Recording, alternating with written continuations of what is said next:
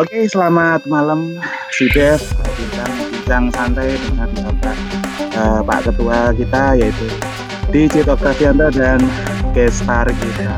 Yang kemarin habis uh, ngasih materi meet up kita di tiket program dengan Mbak Adlina. Uh, sangat susah yaitu spelling namanya karena iya D sama L udah D sama L udah D sama L oke okay. ah, oh, boleh Alin boleh ya oke okay. Hmm. bagi yang belum kenal sama Mbak Alina silahkan uh, buka uh, materi Mbak Adlina nanti kita upload di GitHub kebetulan saya juga lagi monitor dari jauh juga. Ini menarik nih soalnya presentasinya Mbak Adrina ini. Three lines of defense for startup kan gitu oh, ya. Iya. Jadi memang kadang itu kalau ngomongin ini kalau ada iklan motor lewat nggak apa-apa ya namanya juga. Saya juga ada iklan background hujan rintik-rintik. Kacau, kacau. Oh, ada burungnya kan.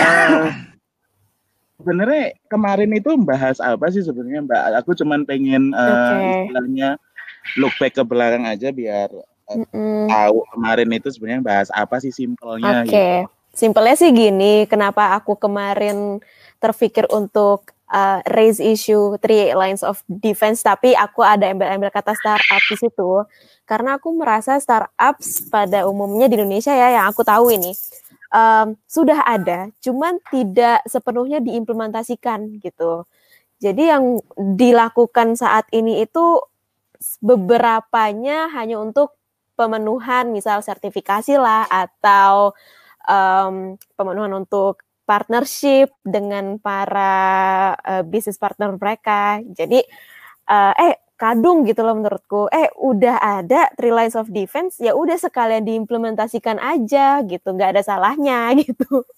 Hmm. Gitu. Kemarin sih dari situ kepikirannya gitu. Siap, siap. Kemarin soalnya hmm. Mas Digit juga uh, datangnya pas Mas Tintin. Mas Digit, hmm. halo, halo, halo.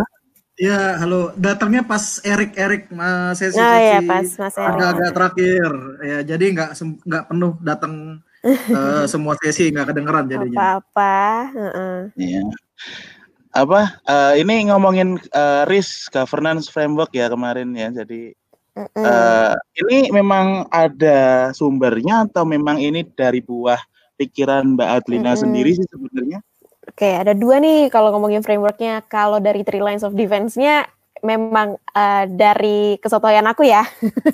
Cuman kalau risk frameworknya uh, mengikuti uh, framework pada uh, umumnya diimplementasikan. Oh iya iya gitu. iya. Siap, siap. Aku sebenarnya kalau mau ngomongin ini itu ibaratnya itu nggak selevel gitu loh sama Mbak Adlina yang memang fokus di situ gitu. Aku masih jauh banget di bawahnya, masih banyak harus belajar sama si Mas Digit. Mas Digit, belajar sama Mas Digit. Digit, kok hilang Digit? Aku aku dengerin aja, Mas. Halo. Lanjut, ya. lanjut Mas Rukma, lanjut, lanjut. Oke, okay, oke. Okay. Uh, eh, first line defense ini yang punya uh, yang punya perusahaan itu sendiri ya sebenarnya ya kalau bisa bisa mm -mm. kayak gitu. Mm -mm. Terus uh, define policy, second lainnya kemudian yang ter, ter lainnya yaitu internal audit buat memastikan bahwa uh, policy yang dibikin sama yang mempunyai apa uh, yang mm -hmm. istilahnya perusahaannya juga tahu aware sama risk iya, betul. Ada. Iya, kemarin sebenarnya three lines of defense ini tidak melulu tentang IT ya. Jadi menurutku lagi uh, berbagai macam functions itu pasti ada three lines of defense-nya gitu. Misal kita ngeliat dari finance lah, terus uh, dari sales pasti ada gitu. Nah kebetulan aja karena kita topiknya di cyber defense, jadi aku mengerucut lah ke IT. Oh gitu. Aku coba gitu.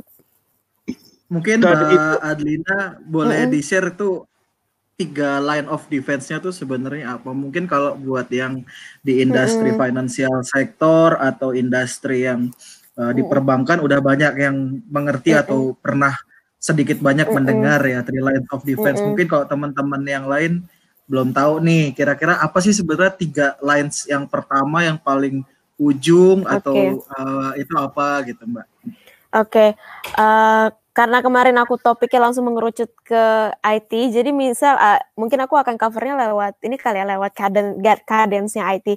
Jadi mungkin untuk first line-nya IT kan kita ada produk, ya kan ya, ada produk setelah ada operation team juga. Nah, uh, yang di mana mereka yang lebih tahu lapangannya gitu, mereka lebih paham uh, strukturnya bagaimana. Jadi mereka uh, menjalankanlah operasional pada umumnya. Nah, ada second line untuk para reviewer gitu. Untuk uh, second line ini untuk oversee yang pertama itu bagaimana sih flow-nya. Nah, misal ada flow-flow yang kiranya di first line agak um, risky gitu ya atau ada terdapat vulnerability si second line-nya lah yang provide um, best practice gitu. Misalnya uh, uh, first line adalah orang-orang yang pemakai GitHub misalnya kalau teman-teman kita ya uh, peng, uh, pemakai GitHub pada umumnya. Developer berarti nah, ya. Kenapa? Developer berarti gitu ya. Ya mungkin developer. Ya ya. Oke okay. first line mungkin developer. Ya second line-nya kita merujuk kepada eh uh, operasional GitHub tolong di misalnya untuk repo-repo uh, yang udah nggak kepake bisa loh di uh, di delete gitu misalnya atau enggak uh, untuk setiap akun di GitHub dipakai 2FA ya gitu. Itu untuk second line untuk reviewernya. Nah, untuk third line-nya misal dari uh, repo tersebut ada uh, policies rip, apa repo tersebut di delete misal tidak dipakai atau um, apa ada adanya 2FA 2FA uh, apa guidelines untuk untuk pakai 2FA. Nah, third line-nya si auditnya memantau, bukan memantau ya, lebih ke penilaian kali ya. Apakah hmm. uh, policies yang dikeluarkan uh, oleh second line sudah dijalankan dengan sebaik-baiknya oleh first line gitu.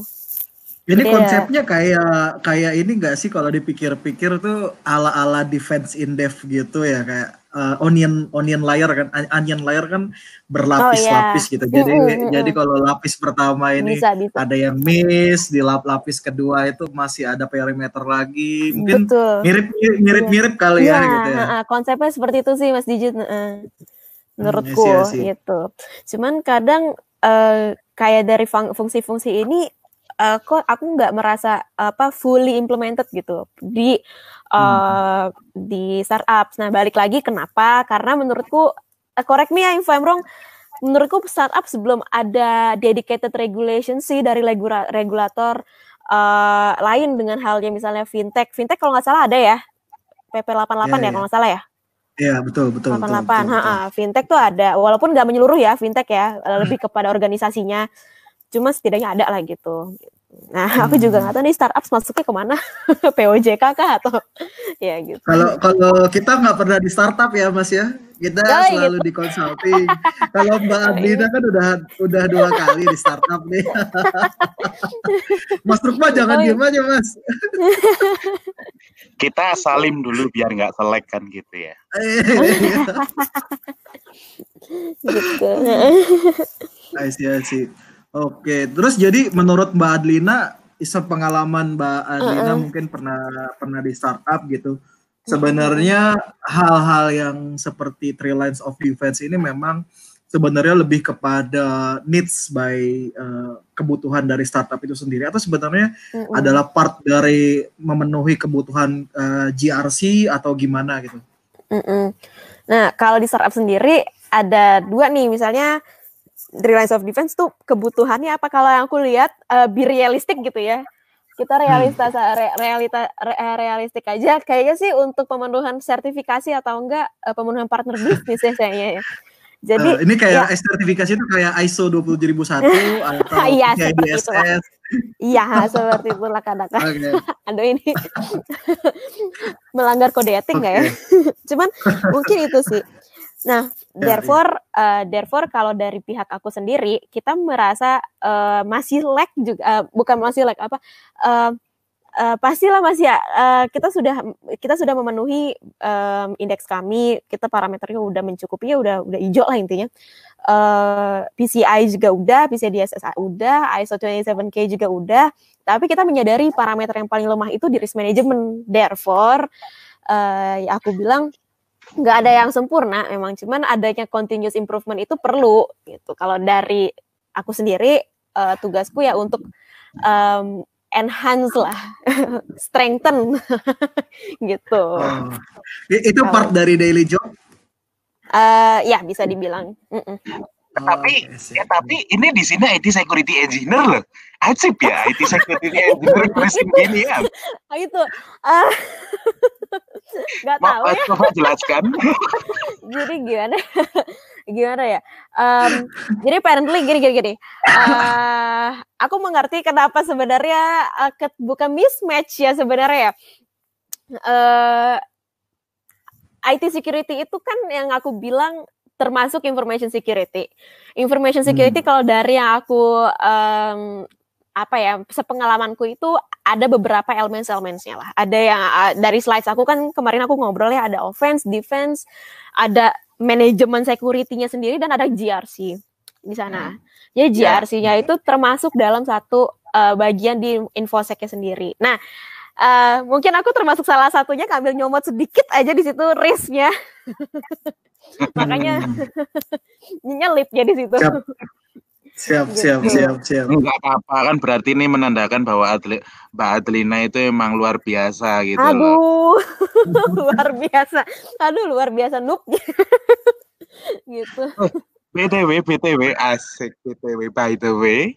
Mm -hmm, uh, iya, sebelum bang. ini tuh, dulu itu Mbak Adlina itu lebih fokus di mana sih dulu itu kalau belajar atau memang okay. semuanya atau memang fokus okay. di Oke, ini menarik sih. Karena dari pertama tuh aku nggak terpikir untuk sampai ke titik ini ya. Aku dulu tuh orang produk gitu. Aku dulu adalah bisnis anal uh, bisnis analis dulu di satu di satu bank gitu ya. Terus oh, along yeah. the way, mm -mm. terus along the way um, dari di situ aku ditawarkan lah mau explore lebih lanjut nggak ke yang namanya ada second tier? Kalau di bank itu udah define ya first tier second tier sama third tiernya mereka udah define jadi dari uh, products atau dari IT products atau IT commercials um, mau nggak ditawarin gitu? Mau nggak untuk coba ke second line gitu which is uh, ke, uh, yang kemarin itu ORM gitu operational risk management gitu. Um, oh, bahasa banking banget tuh mengerti ya karena karena gue sempat di sempat di banking selama dua tahun dulu oh, itu iya. di compli compliance and security 2014 ah, sampai iya, 2016 iya, iya. dan ORM ORM itu adalah bahasa sehari-hari tuh operational risk management oke okay, oke okay. iya aku di ORM dulu nah ORM itu tuh banyak uh, fieldnya. Aku nggak mungkin ke assessment, aku nggak mungkin ke bisnis gitu, ya, enterprise enggak gitu. Uh, jadilah aku di IT risk management. Nah, di IT risk management ini menarik banyak banget yang bisa di uh, yang bisa dipelajarin. Nah, ya sudah aku emang basicnya sebenarnya di risk di risk management gitu. Aku bahkan uh, ada BSMR sampai uh, kemarin ya uh, waktu masih di bank tuh BSMR sampai level 2 gitu ya. Level berapa? Oh, level, level 2. Mantap. aku masih aku masih eh, interap, interap, interap. Iya, iya, iya. Gua kan, gua kan bukan orang banking ya. Tolong jelasin singkatan-singkatan itu oh, dong. Iya. BSMR itu Badan Sertifikasi Man Manajemen Resiko. Jadi itu kayak sertifikasi wajib buat bankers. Iya. Jadi kalau kalau kamu staff di bank gitu ya, uh, biasanya tuh wajib ngambil itu ada level 1, level 2, level 3, level 4 makin tinggi posisinya tuh biasanya makin harus ngambilnya tinggi. Dulu saya belum lulus BSMR, belum ngambil BSMR masuk Rukwa. oh. Udah disuruh ngambil, disuruh keburu resign duluan. Jadi nggak jadi ngambil BSMR. gitu. Ya singkatnya seperti ya tadi Mas Dijit sih. Bener sih kayak gitu ya main definisinya. Um, terus ya dari situ aku explore banyak tentang ORM tentang IT risk management karena waktu dulu di di di, di, di IT risk di ITRM itu kita mengeluarkan opini gitu kan. Kita mengeluarkan opini dan kita emang sebagai advisory terhadap um, operasional IT pada umumnya gitu. Misal kita mau ada ini ini ya yang yang yang common-common aja ya. Misal kita mau mengeluarkan produk sudah dites belum dan yang dites itu datanya pakai data dummy apa enggak gitu misalnya kayak gitu-gitu. Nah, dari situ aku mau coba nih, oh mau ke field lain lah gitu, coba-coba, terus masuklah ke e-commerce yang pertama yang kemarin.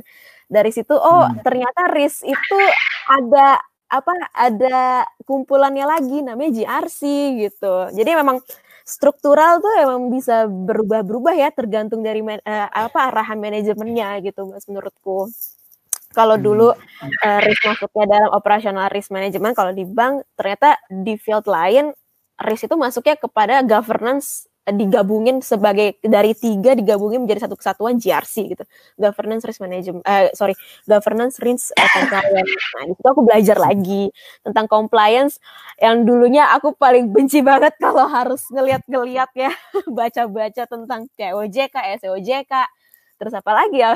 PBI dulu ya gitu. Jadi ya. kalau disimpulkan sebenarnya kalau IT security atau mungkin uh, cyber security uh, field ya di startup itu apakah mengcover dia di first line atau juga membantu di second line atau juga mensupport third line atau ada di satu line aja atau gimana sebenarnya Mbak? Menurutku sih kalau uh, ya menurutku sih di second line karena yang namanya risk itu uh, risk adalah uh, menurutku risk itu adalah support ya support yang tetap support yang uh, memberikan yang memberikan uh, arahan terhadap first line-nya gitu. Menurutku. Hmm, isi, isi. ya di second line. Mungkin Mas Digit bisa menambahkan yang lain misalnya kalau ada kontrak.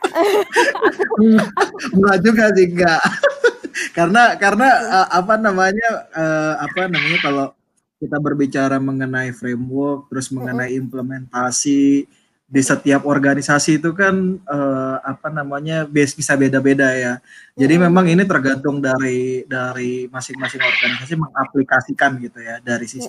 Ada yang memang udah benar-benar menerapkan hal seperti ini, ada yang ya mungkin masih fokus di first dan second line aja atau mungkin mm. biasanya sih yang, yang umum yang yang pasti ada sih dari dari internal audit sih biasanya umumnya pada ada gitu ya. Cuman kan nggak nggak banyak organisasi yang juga se sekompleks mungkin kayak di tempatnya Mbak Adlina gitu ya. Mas Rukma ada komen nggak? ya enggak kalau kalau tadi kalau ngomongin sebenarnya ada kalau misalnya udah lebar ya di IT audit juga kadang di situ dibutuhkan orang uh, eh, IT security juga buat ngaudit uh, semua yang berhubungan dengan IT security-nya kan gitu. Oh, jangan salah Mas di audit juga ada orang forensik loh. Itu oh, kan iya. ada teman kita. Oh, oh iya, oh, itu ada teman kita itu di grup itu. Tahu hmm. orangnya online apa enggak itu. iya, itu tergantung kebutuhan dan apa eh, istilah biasanya besarnya dari organisasi itu ya. Cuman iya. menariknya di sini memang uh, ketika bicara startup ya ini maaf maaf ya ini Mbak, ini cuman sekedar uh, istilah pandangan saya tentang startup. Mungkin bisa dibilang sebenarnya yang diprioritaskan adalah bisnis kan ya. Betul. Jadi, uh, betul. jadi betul. Apakah ya itu tadi apa kalau uh, ngomongin risk kalau risknya ya apa istilahnya Mas Digit ya yang video-video itu aku lupa kalau accept the risk. Ini yang denger harus nonton video YouTube ntar cari namanya uh, apa namanya uh, parodi accept the risk. Nah itu wajib jadi tontonan. Jadi kadang-kadang gini Mbak Adlina, saya hmm. menyadari kadang-kadang kalau di bisnis itu kan uh, sangat agile gitu ya. Terus Betul. kebutuhan hmm. bisnis juga sangat sangat demanding ya, tergantung kebutuhan Betul. atau needs by customer. Kadang-kala gimana sih misalnya menyelaraskan antara kebutuhan bisnis dengan misalnya kita berbicara mengenai three line of defense. Betul. Apakah hal ini hal ini bisa selalu selaras. Misalnya kadang-kadang, misalnya, let's say ini hal yang paling simpel nih, orang produk ngejar-ngejar orang security atau orang audit atau orang compliance. Aduh, gua belum gua belum punya policy untuk SOP bla bla bla. Berarti misalnya di GRC-nya belum komplit. Tapi gua harus segera launching besok. Ini udah mau dikenalkan ke publik atau bahkan ini belum sempat dilakukan review sama orang security yang which is memang beberapa line itu kayak miss kontrolnya akhirnya bypass kontrol lah bisa bisa dibilang. Nah ini ini bagaimana adaptasinya kalau di startup? Apakah memang biasanya harus uh, memenuhi kebutuhan dari bisnis atau bagaimana win-winnya agar bisnis tetap uh, running smoothly without kita mengorbankan cyber security aspek atau three lines of defense lah istilahnya kayak gitu. Nah itu kembali lagi kalau misalnya memang kebutuhan bisnis uh, ada juga ada juga biasa begini mas. Uh, produk mau uh, mau launch terus uh, hmm. dari second tier baru tahu ada yang mau di launch terus kita yang jadi ngejar-ngejar ngejar-ngejar orang orang produk. ini, orang produknya eh eh kita mau kita harus nge-review dulu loh ini ini ini loh saya nggak tahu yeah. ada loh saya nggak tahu ada ada ada ada polisi ada proses seperti ngomong, ini ada proses uh. seperti ini gitu tapi kita nggak bisa timeline kita udah jelas gitu uh, harus uh. harus deploy segini launchnya tanggal segini nah itu kan uh. nah dibutuhkannya maksudnya ya ada yang harus saling mengalah dari dua pihak tersebut gitu. Kalau memang nggak bisa banget, ya kalau di kita ya uh, orang produk siap nggak gitu dengan risk apa yang akan diterima akan terjadi ketika produk ini diluncurkan, tapi tanpa uh, pihak uh, tanpa ada uh, apa ya kayak uh, acceptance dari kita gitu dari apa uh, approval dari kita gitu. Oke, okay, berarti eh, ini Mas Reza. Halo, halo, halo Bro Reza. Eh, Bro. Yes, Adlin. Tes Halo. Oh, see. Abis dari mau... Java dari Java Jazz nih kayaknya. Masih di sana. Waduh. Masih di sini. Luar biasa. Luar biasa. Ini kita ngalir aja kok. Gimana gimana? Halo, halo. Mas Reza. Dia yes. dengar kali. Mas nah, Oh, hujan di sana. Hujan, hujan Mas. Hujan. Oh. Misbar. Misbar. Za, jangan nyanyi itu ya saya ya. yang hujan. Aduh. Oh, itu Mas Rukma biasanya. Aku tahu lagi lagunya.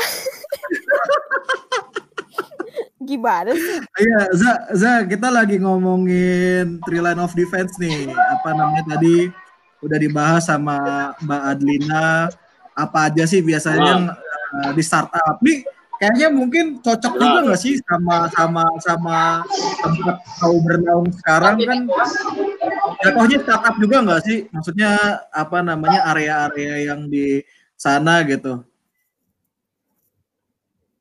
Sama bro, Oh sama. Kalau gitu boleh lah nanti sambil di tengah-tengah kita minta komentar ya. Nanti lo sambil kita ngalir aja discuss kalau misalnya di tempat lo nanti kayak gimana. Mungkin kan Mbak Adlina di startup yang ke arah finansial ya. Maksudnya finansial ya. Mungkin kalau tempat lo yang apa ya ke digital gitu. Gua nggak tahu sama nggak bisnisnya kan. Biasanya kalau bisnisnya beda tuh ada sedikit sedikit perbedaan lah dari sisi bagaimana mengelola operasional gitu kan. Mungkin kalau yang finansial lebih ketat hmm. karena ada regulator. Kalau misalnya yang non finansial startupnya rada agak loose gitu atau gimana gitu. Nanti boleh kita sambil diskus di tengah-tengah ya bro ya. Boleh boleh boleh. Oke lanjut Mas Rukma. Mm -mm. Ya. Tadi sampai mana ya lupa. oh ini sampai produk sampai produk yeah. bagaimana. Ya oh, kalau dari yeah. kita dari kedua belah pihak harus ada yang mengalah. Misal uh, ya udah kalau memang uh, yang jelas dari pihak uh, uh, security-nya udah memberitahukan um, potensialnya ini ini ini ini gitu. Dan misal dari teman-teman uh, produk tidak mau bukan tidak mau bear ya kayak oh ini timelinenya udah oke okay, di di approve aja gitu. Ada ada ada acceptance gitu ada risk acceptance yang harus di bear gitu. Oke. Okay. iya, iya. berarti apa uh, risk itu ditanggung oleh siapa mbak? Uh, simpelnya kalau seperti itu Apakah hmm. ditanggung oleh product owner atau iya ditanggung iya sih, oleh uh-uh. security atau ditanggung bersama? Ujung-ujungnya ditanggung bersama ya. iya, apa namanya? Satu malu, semuanya malu. nah, aku nggak tahu nih kalau nah, uh, aku mau tahu penilai bukan penilaian ya, um, uh, apa ya uh, opini dari Mas uh, dari Mas Digit sendiri sih.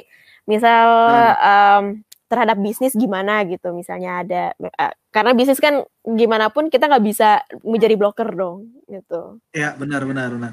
Jadi emang sebenarnya uh, ini hal yang lumrah ya. Bahkan mm. even di institusi seperti yang kon konvensional kayak banking itu kerap kerap kali terjadi tuh. Misalnya let's say pas lagi change change board gitu kan. Kalau di banking kan sering ada change control tuh ya change control meeting. Biasanya sebelum ada misalnya produk naik gitu kan nanti ditanya nih sama orang security lu belum melakukan hardening nih dari sisi kita review yeah. kan? Kita say no gitu ya tuh hardening eh, sorry bukan say no. Si orang produk nggak bisa katanya karena dia uh, gua nggak bisa memenuhi requirement lu untuk misalnya ngelakuin hardening terus melakukan pen test karena kita harus besok udah launching gitu kan. Nah, kadang-kadang kita ngasih beberapa risiko uh, yang mungkin terjadi kayak tadi Adlina kasih tahu kan. Nah, cuman biasanya untuk win-win solution sebenarnya gini, biasanya kan kadang-kala ini juga ha hampir sering terjadi di berbagai macam proses ketika apakah itu di audit atau lagi mau proses certification biasanya yang paling simple adalah kita ngasih manajemen response. Oke, okay, misalnya let's say kita mau nggak mau harus uh, naik besok. Kita kasih risiko, kita accept the risk nih orang produk. Oke, okay, tapi manajemen respons lu apa? Kita dari security nggak oke okay, karena lo udah accept risk ya udahlah kita lepas tangan. Karena biasanya kalau orang orang produk tuh kayak gini ya apa namanya bola udah ada di lo ya gitu. Kadang-kadang kadang-kadang kayak gitu tuh kan. Pokoknya nih bola udah di dia nih gitu. Kalau gue udah lempar ke orang produk kalau ada kenapa-napa security nggak tanggung jawab. Padahal in fact in fact tuh nggak selalu kayak gitu gitu kan kadangkala uh, orang security juga tanggung jawab, orang operation juga harus tanggung jawab. Kalau kita ngomongin bridge, kita ngomongin compromise, it's not talking about uh, siapa yang mm-hmm. menanggung beban, tapi all all the stakeholders ya in the, in the company itu menanggung semuanya, termasuk juga orang security dan orang operational gitu kan. Nah, uh, biasanya selain kita ngasih tahu risikonya apa, kita tentu minta mereka untuk memberikan semacam kayak manajemen response atau sebenarnya apa yang harus mereka lakukan. Oke, okay, gua tahu lu besok harus launching. Oke, okay, kita setuju ya, kita approve misalnya besok lu launching uh, misalnya dengan catatan setelah launching langsung paralel dilakukan misalnya review atau paralel mm-hmm. lu nggak udah launching bebas-bebas udah seneng-seneng party gitu kan produk udah launching gitu tapi lo harus tetap jalanin nih punya kewajiban jadi kita ngasih tahu selain lo harus launching ini produk lo tetap punya kewajiban sehingga at least gitu ya ketika produk itu launching dan jalan in paralel mungkin mereka uh, kita kejar terus tuh. Biasanya orang-orang security atau orang GRC biasanya orang itu ngejar terus. Gimana? Misalnya tiga hari kan diupdate. Lu udah sampai bikin mana nih? Kemarin kan ada 10 poin yang masih kurang. Mana lu udah berapa poin yang lu uh, istilahnya penuhin untuk memenuhi kemarin gitu. Ya in, ya padahal walaupun kalau kita berbicara mengenai threat itu kan tidak mengenal waktu gitu. Mungkin pas begitu launching jreng gitu kan, tahu-tahu ada yang ngehack, who knows gitu ya. Tapi iya, benar-benar lulusan gitu sehingga pada mm-hmm. akhirnya sama-sama sama-sama punya kewajiban yang sama, sama-sama punya tanggung jawab yang sama. Security juga nggak lepas tangan karena dia pikir, hmm. gua udah udah kasih tau risknya, udah pokoknya bola di lo deh kalau udah kenapa-napa lo, nah gitu, nah gitu juga gitu. Kita tetap hmm. harus kontrol, apalagi orang-orang kayak di GRC atau orang-orang yang internal audit itu tetap apa istilahnya langsung uh, uh, memfollow up. Itu itu in in my apa ya uh, sekilas saja opinion hmm. yang terlintas sih. Tapi nggak tahu kalau misalnya di organisasi yang udah lebih mature gitu gimana apakah memang benar-benar produk harus ditunda gitu kan kita nggak tahu pokoknya produk ditunda sebelum security mencapai pada um, mm. uh, minimum requirement gitu kan who knows mm. ya itu kan sebenarnya kembali ke kembali ke strategi bisnis masing-masing biasanya mm. yang kalau udah kayak gini yang pusing itu orang yang punya tanggung jawab biasanya masing-masing head headnya orang produk misalnya orang bisnis, orang produk kan nanti ngomongnya sama orang bisnis gitu kan. Nanti ngomongnya juga sama head yang di operational mungkin atau mungkin juga ada head yang security. Ini biasanya masing-masing pusing gitu. Karena siapa nih yang mau di ini hmm. gitu kan. Itu itu dari dari my my uh, little opinion sih. Mas Rukma gimana? Ya nanti ya kalau misalkan udah uh, launching ya sesama VP saling menandatangani lah ya. Oke kita Oke daripada nggak jualan kita saling tanda tangan saja. Oke. tanda tangannya apa nih mas? Surat surat uh, resign atau gimana ya? Siapa yang bertanggung jawab gitu ya? Nah, bercanda, bercanda, bercanda, bercanda, bercanda. Nah, ini aku, ada. Aku punya satu pertanyaan lagi sendiri sama Mas Digit karena uh, sampai sekarang aku masih gak apa ya belum belum paham banget jawabannya apa dan mungkin jawabannya juga setiap orang gitu setiap setiap individu sama perusahaan punya pandangan masing-masing uh, pandangan Mas Digit terhadap undang-undang um, untuk startup. Aduh, undang-undang. Gua kagak tahu undang-undang nih. Ya, enggak gitu maksudnya apa. Enggak undang-undang ya. banget gimana uh, setidaknya Cip. ada uh, apa ada yeah. regulator lah, uh, ada regulasi yeah, yeah. terhadap startup. Hati-hati ngomong ya, lu diculik ntar. Ya. Jadi memang uh, beberapa undang-undang yang terkait dengan terutama kalau kita berbicaranya spesifik ke keamanan informasi ya sebagaimana mungkin uh, halayak uh, sudah banyak yang tahu. Pertama yang sedang hot terakhir itu yang kemarin sempat belum diresmikan adalah undang-undang mengenai uh, kam siber ya. Uh, rancangan undang-undang keamanan siber itu yang digagas dari BSSN gitu ya. Lalu yang terkait dengan undang-undang juga kalau kita berbicara tentang cyber security atau ini juga mungkin nggak nggak fokus cyber security banget tapi lebih kepada spesifik uh, undang, undang rancangan undang-undang uh, pengamanan data pribadi ya PDP itu yang diinisiasi juga dari Kominfo. Nah sebenarnya kalau kita melihat dari undang-undang yang benar-benar spesifik tidak hanya ITI saja yang tadi PDP sama Kamsiber itu juga sebenarnya sangat berdampak gitu buat startup. Pertama kita berbicara mengenai tadi yang PDP dulu perlindungan data pribadi. Sebagaimana kita ketahui kan uh, di Indonesia ini sebenarnya memang agak cukup terlambat ya uh, mengadopsi perlindungan data pribadi.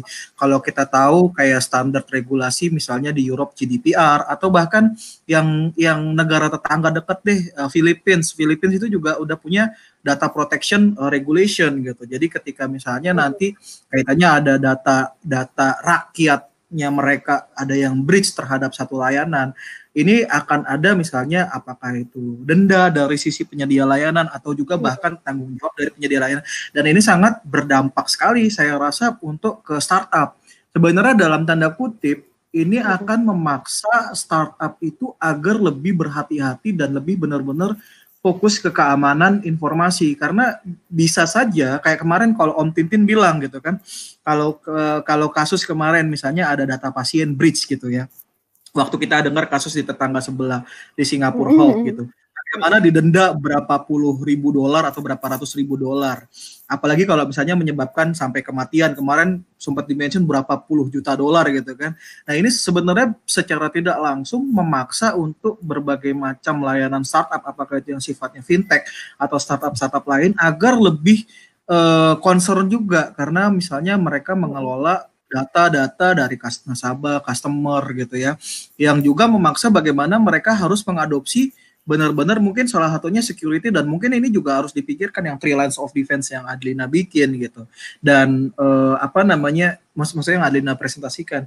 Dan juga sebenarnya kayak keamanan siber itu juga memaksa agar uh, berbagai macam uh, apa industri yang sifatnya memberikan pelayanan publik apakah itu pelayanan yang sifatnya sosial yang dari bentuk dari pemerintahan atau juga yang sifatnya untuk komersial bisnis seperti startup dan lain-lain e-commerce gitu ya agar mereka uh, quote and quote mengenforce gitu ya dari dari undang-undang ini mengenforce agar para uh, stakeholdernya ini uh, apa namanya juga aware juga mengenai uh, cyber security gitu. Kalau kita lihat sekarang kan mungkin ini hanya tadi Adilina di awal-awal mention ya ini mungkin terkait dengan hanya untuk kebutuhan compliance atau regulatory atau sertifikasi gitu. Nantinya mungkin secara tidak langsung ini udah bukan cuman oh buat pemenuhan compliance doang, udah lulus sertifikasi atau lulus audit atau selesai audit, belas bebas gitu. Tapi ini mereka jadi khawatir karena ada sesuatu yang dalam tanda kutip memaksa atau mengenforce mereka untuk doing uh, the the the right thing lah saya yang saya ini doing the right thing not just for uh, the business or uh, apa compliance things gitu mm -hmm. sih menurut aku itu Adlina. Iya sih. Benar benar benar. Mas Rukma Mas Reza Mas Rukma. silakan. Dia di mute ini. Kok jahat? Oh iya. Bentar, halo, halo, sorry, sorry, sorry, yeah. mute. Uh, Mas Reza hilang nggak ya ini? Iya, uh, dia yeah. lagi di mute gimana? Mm-hmm. Uh, cukup panjang ya karena memang uh, kalau ngomongin risk yang ke mana-mana. aku juga sebenarnya kalau ngomongin risk juga uh, bisa dibilang masih masih sedikit yang saya tahu. Cuman mm-hmm. yang jelas ya itu siapa yang penanggung uh, penanggung risknya itu sendiri sama ya mungkin kalau misalnya bisa ditambahkan kadang uh, jadi abu-abu. Ini sebenarnya peran security diri sini sebenarnya apa gitu. Kalau tidak tahu itu kan nanti jadi satu organisasi itu kalau misal kebobolan disalahin kan security-nya kan ibaratnya kayak gitu. Makanya kalau misalkan kalau nggak di define di awal itu nggak nggak istilahnya nggak fair juga sama tim security-nya. Apa belum tahu ada aplikasi apa itu tiba-tiba rilis tiba-tiba langsung disalahin. Loh kok bisa ke bridge loh kita aja nggak tahu apalagi aset manajemennya enggak enggak lengkap kan gitu. Hmm. Mas, ini ada dari slide-nya Adlina, ada hmm. ada ada satu slide slide nomor uh, eh, 13. Eh, sorry. Nomor 11. Why startups tend to ne neglect uh, three LODs ya, mengabaikan uh, three lines of defense. Ya, hmm. di sini dimention sama Adlina bahwa uh, salah satu alasannya mungkin tidak ada dedicated regulations from regulators atau terkait dengan effort dan cost yang harus dibayar mm -hmm. uh, atau harus dikeluarkan. Ini aku kayak soal sering banget ya. ini aku gini nah, ini mungkin Nanya. Adlina boleh bahas nggak gitu, gitu, yang dari dari apa sih ini problem-problem yang happens gitu ya di, di startup yang iya. kadang-kadang Eh, aku beda. Ini menarik karena pas aku tanya tentang risk management di startups, mereka tuh nggak paham dengan uh, bukan nggak paham apa ya uh, menanyakan bedanya dengan security apaan gitu jadi risk hmm. dengan threats bedanya apa sih gitu uh, ya uh. nah uh, it's another journey untuk risk ya menurutku karena dari risk kita punya other framework lagi kita buat lagi satu framework baru dan untuk enforcing framework tersendiri, eh, framework sendiri itu lagi membutuhkan ada lagi waktu dedicated waktu khusus gitu. Dimulai dari apa? Dimulai woro-woroin dulu. Eh kalian ngerti risk apa enggak sih? Kita kan masuk-masuk gitu ya ke ke divisi-divisi lain gitu. Dan kan uh, konsepnya risk ya ini correct me if I'm wrong lagi karena konsepnya risk itu harus dideklar menurutku jadi dari masing dari masing-masing divisi mereka tuh harus kan makanya ada yang namanya risk register, makanya ada yang namanya risk appetite. Itu tuh semua harusnya namanya transparency gitu. Dari satu company kita mau company tersebut uh, di manage dengan baik, ya udah saling declare aja kelemahan masing-masing apa supaya di register kepada bank risk kita sehingga kita bisa manage gitu. Bisa Tapi banyak kan biasanya tuh kalau kita berbicara apa risk register gitu ya itu kalau bisa sih di, di sedikit sedikitin bener ya apalagi kalau nggak ini kalau udah ngomongin tentang risk risk ya dari uh, ntar ke nah. ujung-ujungnya ada namanya RCSA Nah, itu nggak ada. Gue baru mau, gue baru mau ngomong, baru mau ngomong. iya kan, ya nggak nggak bakal ada. Iya. Aku googling, saya googling, saya gini apa gue ya. RCSA itu risk risk control self assessment, benar kan?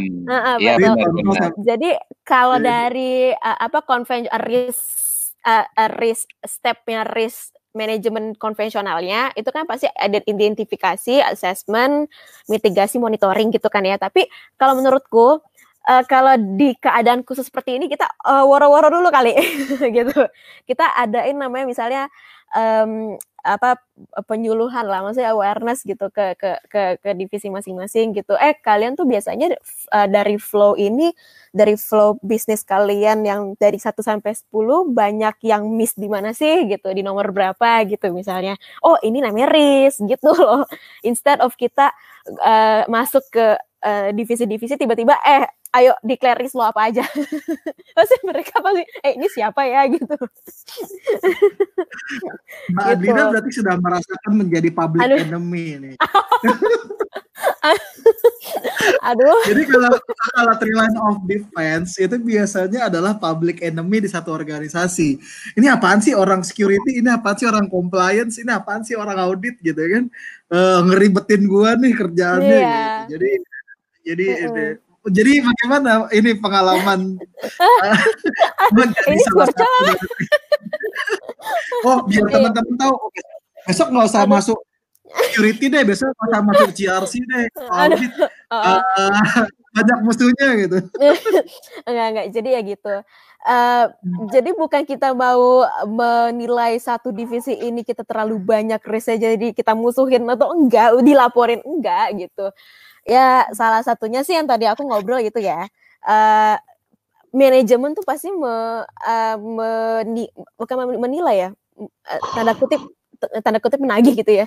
Kok ini nggak jalan-jalan ya? Karena it's a never ending proses untuk aku. Uh, kita mengerjakan misalnya um, building framework aja misalnya eh, building framework mah gampang ya tanda kutip gampang lah ya. Bikin SOP policies bla bla bla bla gitu.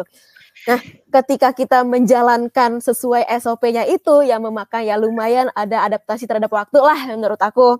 Sampai awareness terhadap masing-masing divisi untuk ngedeclare. Nah, itu apalagi ntar kalau misalkan kita udah mature banget, kita harus bikin aplikasi sendiri gitu. Iya nggak sih? siap, gitu. Siap, siap. Menarik, menarik, menarik.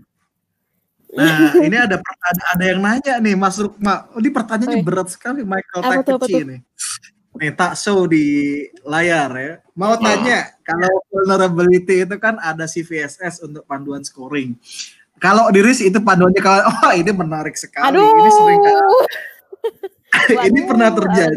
Ini pernah terjadi pada saat wah saya nggak boleh cerita nih ntar. Hmm. Ya pokoknya pernah mengalami kejadian seperti ini ketika ketika kita berbicara melakukan pentest atau security assessment oh. ketika nanti kita memberikan rating atau scoring acuannya ke CVSS which is very technical banget gitu. Nanti pas kita declare reportnya nanti customer langsung bilang e, lu nggak mempertimbangkan dari sisi bisnis ya ini kan hanya dari technical aspek. Bagaimana lo mengesampingkan aspek bisnis padahal ini secara tidak langsung kan berdampak pada bisnis. Harusnya ini risiko bisa lebih turun nilainya dibanding ketika lo cuma itu pakai CVSS. So ini pertanyaan yang happens juga nih, Michael. Thank you nanyain.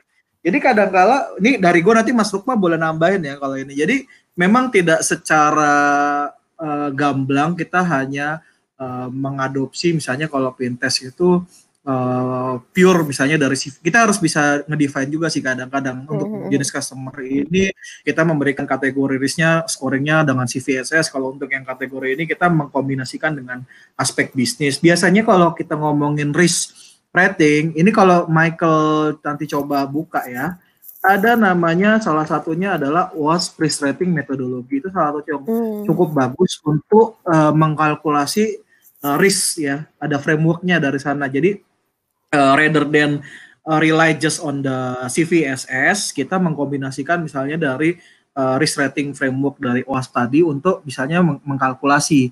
Untuk organisasi yang lebih mature lagi mereka punya semacam metode sendiri untuk mengkombinasikan antara celah vulnerability yang ditemukan dengan uh, risk yang mereka adopt di framework mereka. Dan ini biasanya nah kalau berbicara risk itu pusing deh.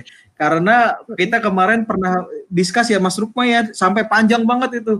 Ngomongin aku dengerin Om Tintin sama siapa kemarin ya? Sama Mas Ade Mas Firman, Andi Arai ya, ya, Andi Ari, sama ya. Mas Andi Ari. Wah enggak yang di itu Mas yang di grup uh, eh, WA itu kan panjang oh, banget. ada iya, yang iya, iya. Metode risk ini begini begini begini ada yang begini begini nggak ada yang salah nggak ada yang benar kadang-kadang. Kalau ng ngacu ke Isaka misalnya kayak gini ngitungnya kalau ngacu ke sini gitu wah aku sendiri pusing ngelihatnya. Cuman memang tadi kalau misalnya uh, salah satu contoh mungkin ya Mas Michael bisa ngacu atau ngelihat tadi coba lihat ke bagaimana risk rating uh, metodologi yang digunakan sama si uh, siapa si OAS untuk membantu menghitung Nah, itu juga bisa jadi acuan. Monggo kalau misalnya mau lihat. Tapi saya nggak tahu kalau organisasi lain bagaimana nih.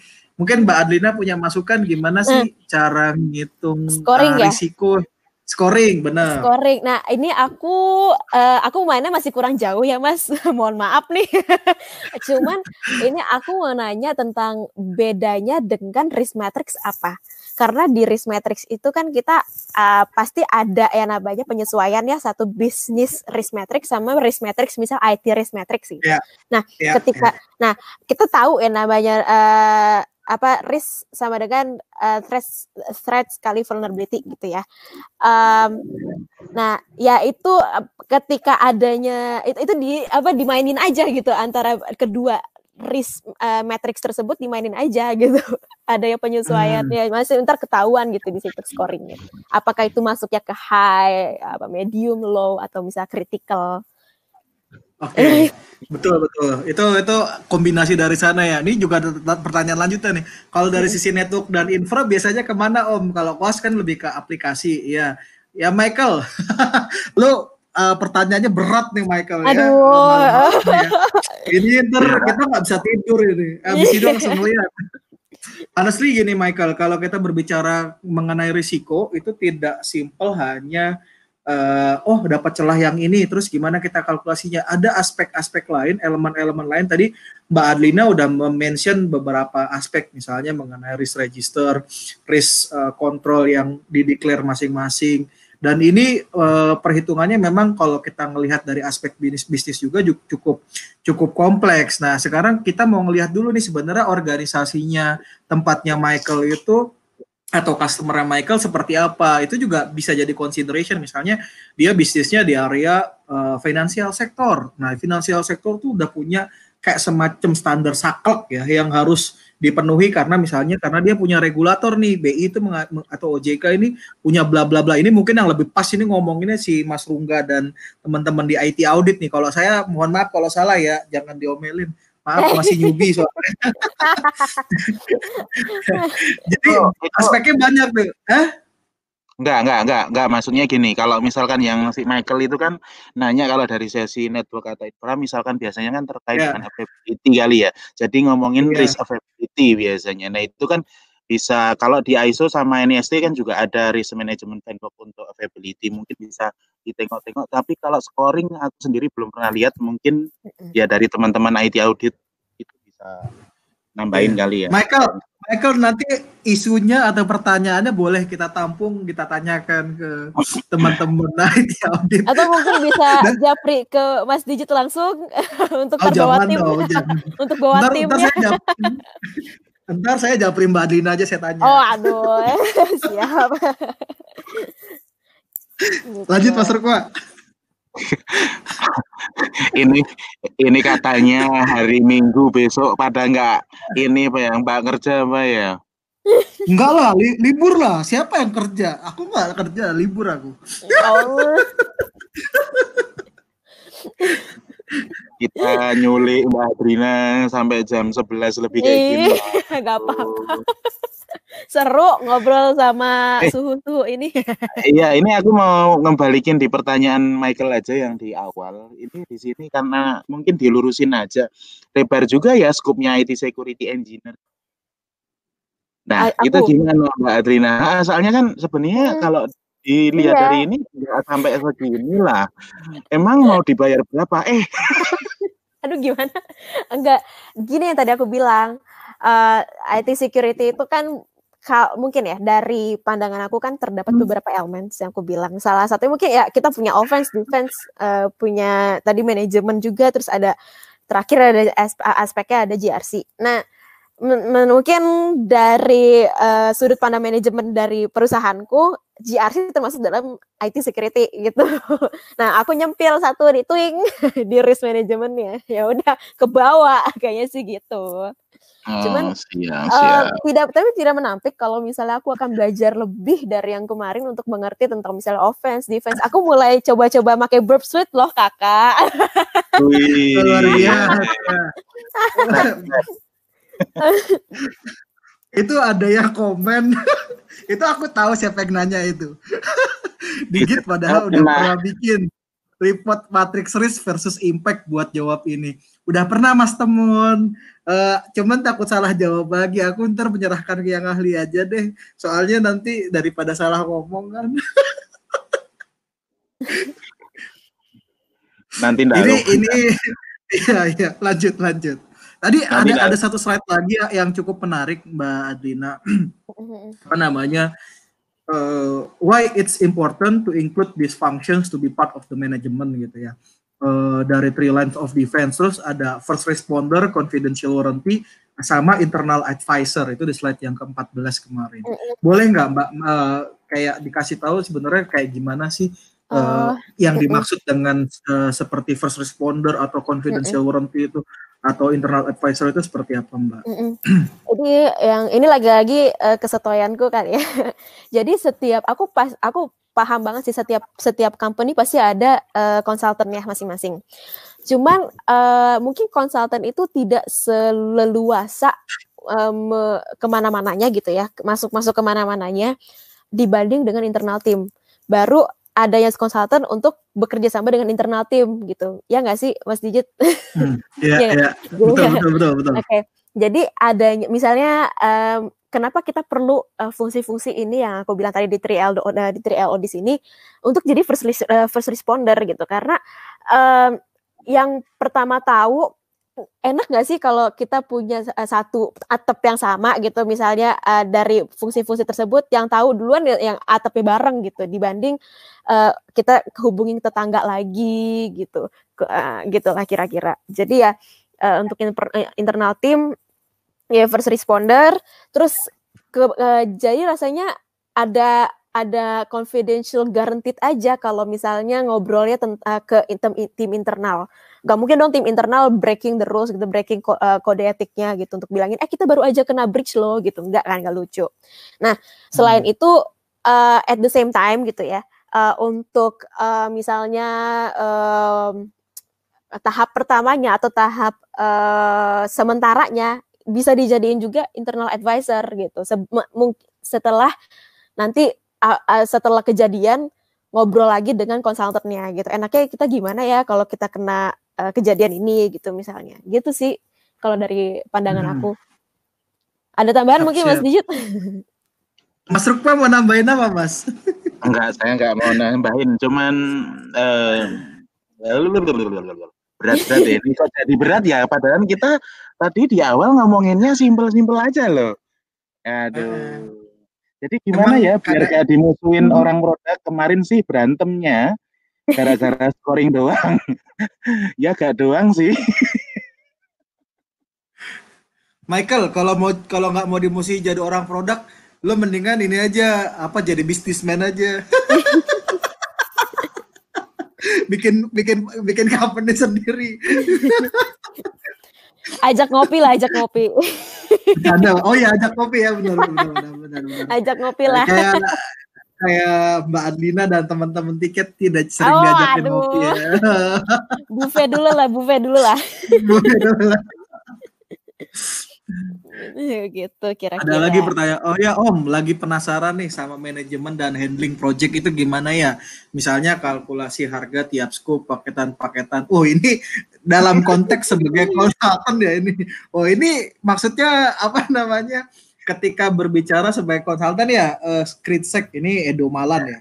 Edo, iya, Edo ya. Malan. Maksudnya, wah ini masing-masing konsultan punya dapur sendiri-sendiri.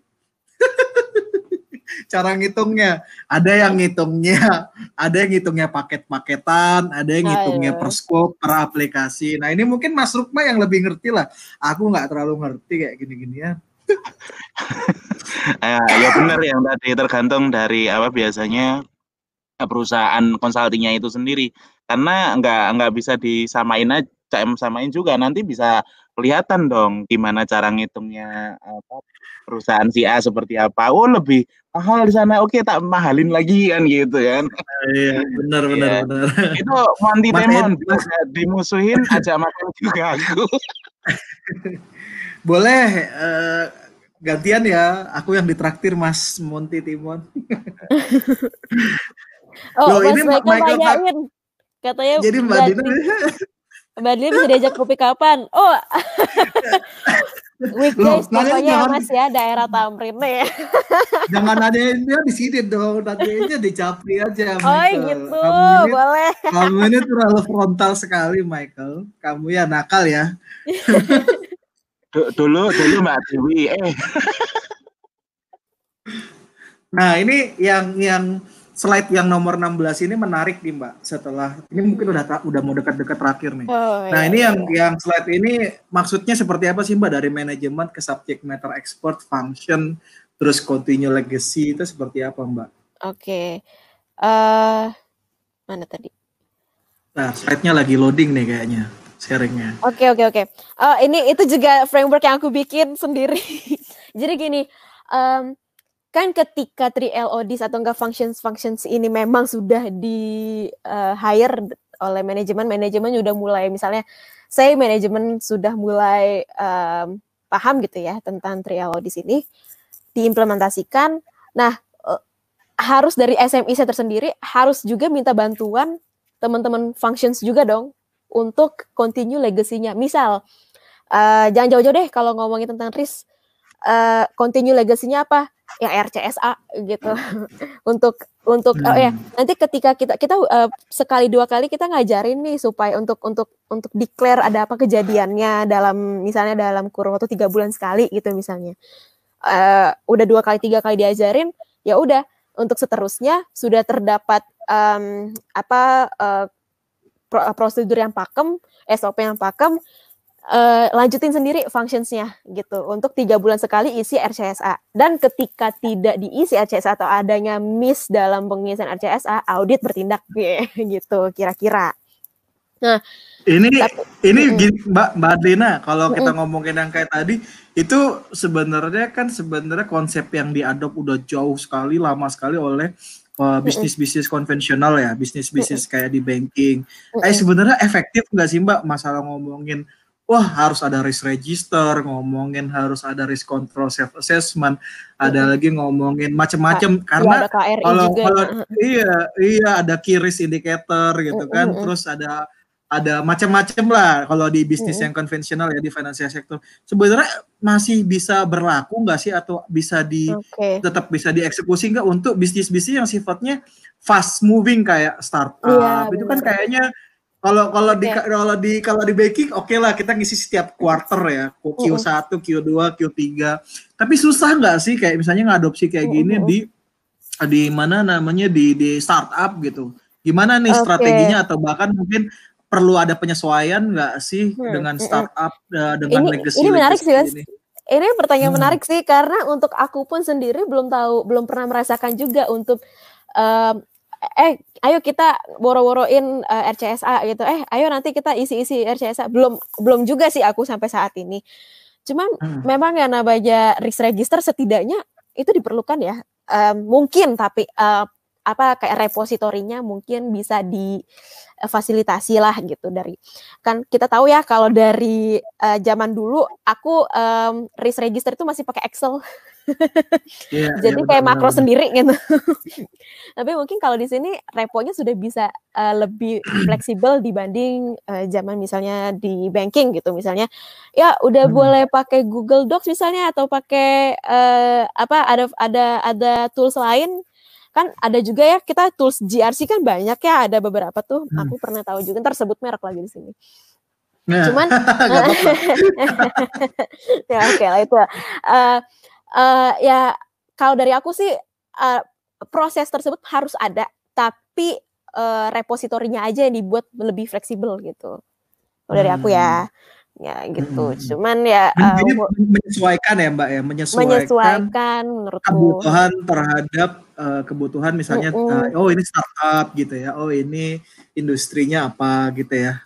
Iya, uh, kalau di misalnya di yang lebih saklek misalnya di financial institution gitu, uh, mereka bound sama POJK juga harus ada misalnya ada bukti yang jelas gitu uh, dari misal kalau diminta oleh uh, regulator tolong sediakan yang sekarang uh, apa uh, periode sekarang sampai sekarang gitu misalnya.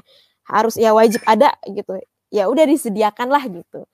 Tapi kalau kita kan hmm. belum ada ya mungkin dan bisa hmm. difasilitasi hmm. aja uh, disesuaikan lagi dengan uh, culture nah itu yang penting culture uh, perusahaan masing-masing Oke, mantap. Mantap, mantap. sekali. Weh, luar biasa. Ini ada ini kayaknya udah menuju slide terakhir nih Mas. Itu aku lihat ini aku mau sharing screen tapi nggak ketok ini kawat.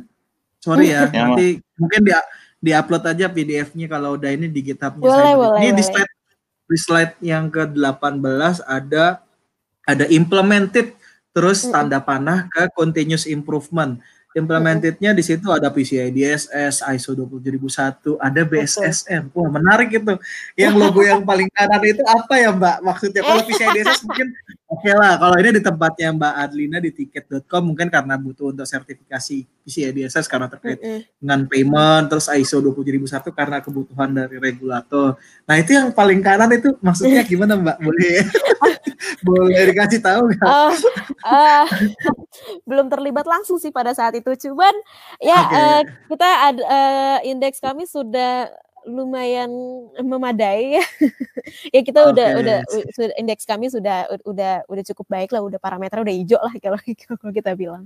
Oke, okay, siap. Nah, tapi dari uh, dari ketiga sertifikasi tersebut yang tadi aku bilang yang namanya uh, implemented, oke okay, implemented gitu ya. Cuman uh, continuous improvement itu harus selalu ada gitu. Udah baik, harus kita coba lebih baik lagi dari sebelumnya. Harus coba dicoba, uh, di, dicoba lagi untuk lebih baik dan lebih baik lagi. Contoh misalnya apa? Misal kita sudah beberapa uh, apa beberapa uh, apa elements kita sudah oke okay, gitu ya. Satu elemen yang belum misalnya risk management ya kita adakan continuous improvement di risk management gitu. Misalnya oh, belum siap. ada kesadaran lah dari teman-teman uh, functionsnya juga gitu. Siap, mantap ini. Uh, apa namanya? Mm -mm. Uh, mungkin Mas Rukma digeser lagi, Mas. Ada apa lagi di selanjutnya? Aku nanya dong sama Mas Dijit nih. Aku nanya juga iya. sama Mas Dijit. Seberapa penting ini konsep banget ya Mas Dijit. Seberapa penting sih culture perusahaan gitu? Di di mana nih? di startup boleh uh, uh, culture uh, manajemen tuh harus punya culture yang kayak gimana sih gitu. Waduh, pertanyaannya kok berat-berat banget ini saya. Masih sih? culture yeah. perusahaan ya. Mm -mm. Uh, kalau kalau saya sebenarnya overviewnya dari sudut pandang orang ketiga nih, mm -mm. karena honestly speaking saya belum pernah berkarir di sebagai end user saya cuma satu kali selama karir saya. Jadi saya cuma di bank doang sekali. Jadi mm. perspektifnya mungkin kurang terlalu uh, apa namanya bisa mm. objektif ya. Mm Jadi kalau sebenarnya kalau kita melihat dari uh, sudut pandang orang yang di luar gini, kalau saya ngelihat ada beberapa company perusahaan dari berdasarkan experience mungkin di di consulting ya di consulting uh, job gitu ya saya ngelihat uh, kita ngelihat gini contoh ya culture perusahaan itu akan kembali biasanya ke siapa orang-orang yang ada di dalamnya pertama Maksudnya gimana siapa orang-orang ada di dalamnya? Contoh kalau kita ngomongin ini relationnya sama security, misalnya cyber security atau tadi dari three lines of defense. Ini uh, kalau kita berbicara misalnya kita ngelihat satu perusahaan A ya terus orang-orangnya yang orang-orang benar-benar uh, punya expertise di dalamnya dan orang-orang yang benar-benar concern di bidang uh, cyber security misalnya ini secara tidak langsung akan mempengaruhi pada bagaimana uh, proses operasional dan juga culture-nya mereka saya melihat pernah satu customer saya ini benar-benar customer yang bisa dibilang bukan institusi uh, buk apa bank yang top five gitu ya.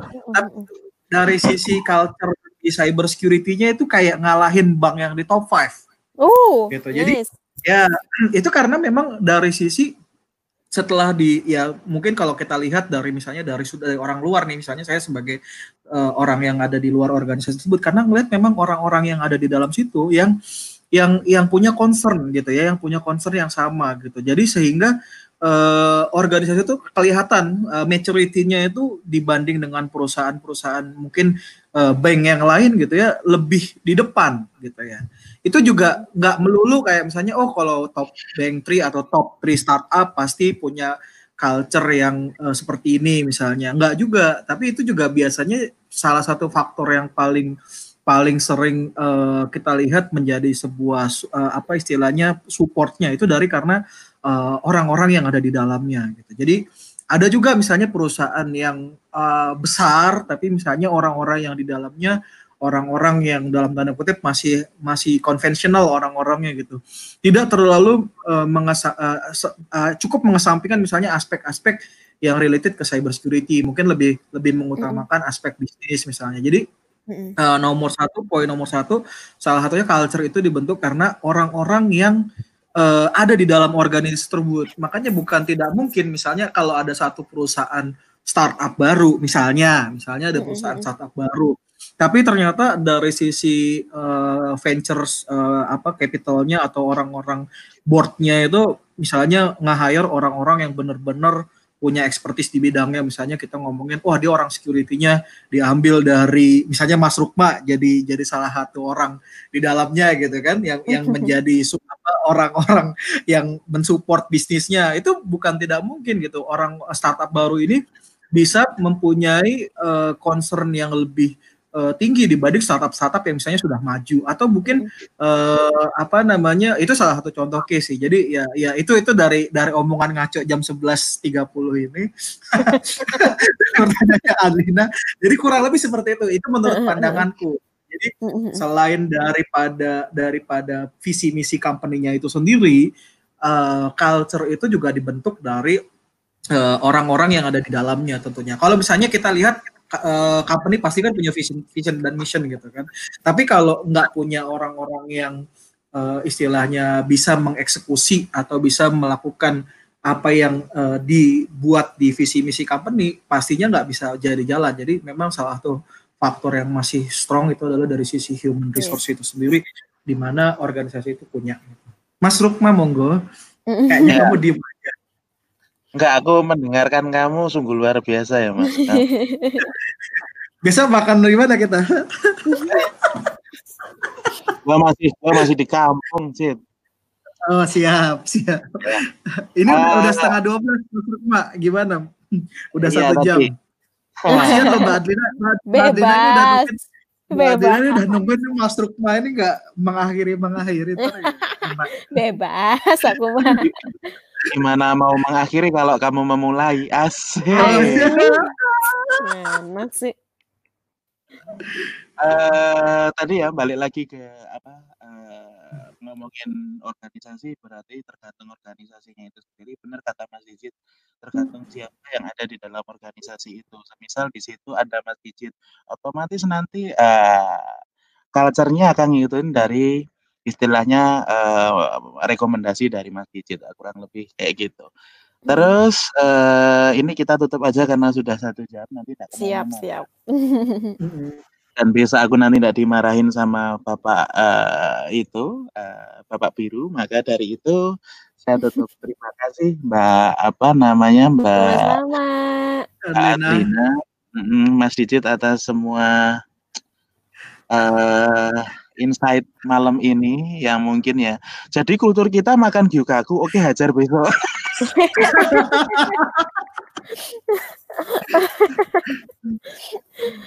Aduh, gimana ini? Ikut dong makan-makan nah itu kalau kata Mas uh, Om Prasojo. Ya, siap. Kalau gitu terima kasih sebelumnya Mas Nukma, Mbak Adlina, atas Oke, makasih Mas Ida, Mas Digit atas kesempatannya. Ya, Jarang-jarang uh, nih diajakin soalnya. Eh, hey, jangan gitu. Gini loh, At, kita itu sebenarnya pengen ngajakin, cuman waktu itu tuh Mas Diji juga malu-malu kalau mau ngajakin kamu ya udah akhirnya aku gitu. Oh, iya. ini kok aku kok jadi aku yang diniin Mas Rukma? Wah, gak bener ini sampean ini. Oke okay, kalau gitu terima kasih teman-teman yang Hah? Mau mau, mau kasih salah penutup enggak? Salah iya, maksudnya dulu ini. Gini gini gini oh. gini. Uh, kesimpulan aja ya berarti uh, three line of defense lebih baik uh, diterapkan di uh, ya nggak ngomongin startup uh, kalau company mau coba majority dari segi uh, penanganan risiko dan bagaimana mengamankan uh, bisnisnya lebih baik uh, diterapkan kurang lebih seperti itu ya Mbak Tina ya. Mm -hmm. Kira-kira. Uh, terus dan uh, manajemen juga harus support gitu. Iya. Uh, manajemen juga harus manajemen support. harus support. Itu ya apa dan uh, ketika implementasinya juga jadi istilahnya bisa sukses karena dari karyawan juga aware atas resiko yang ada.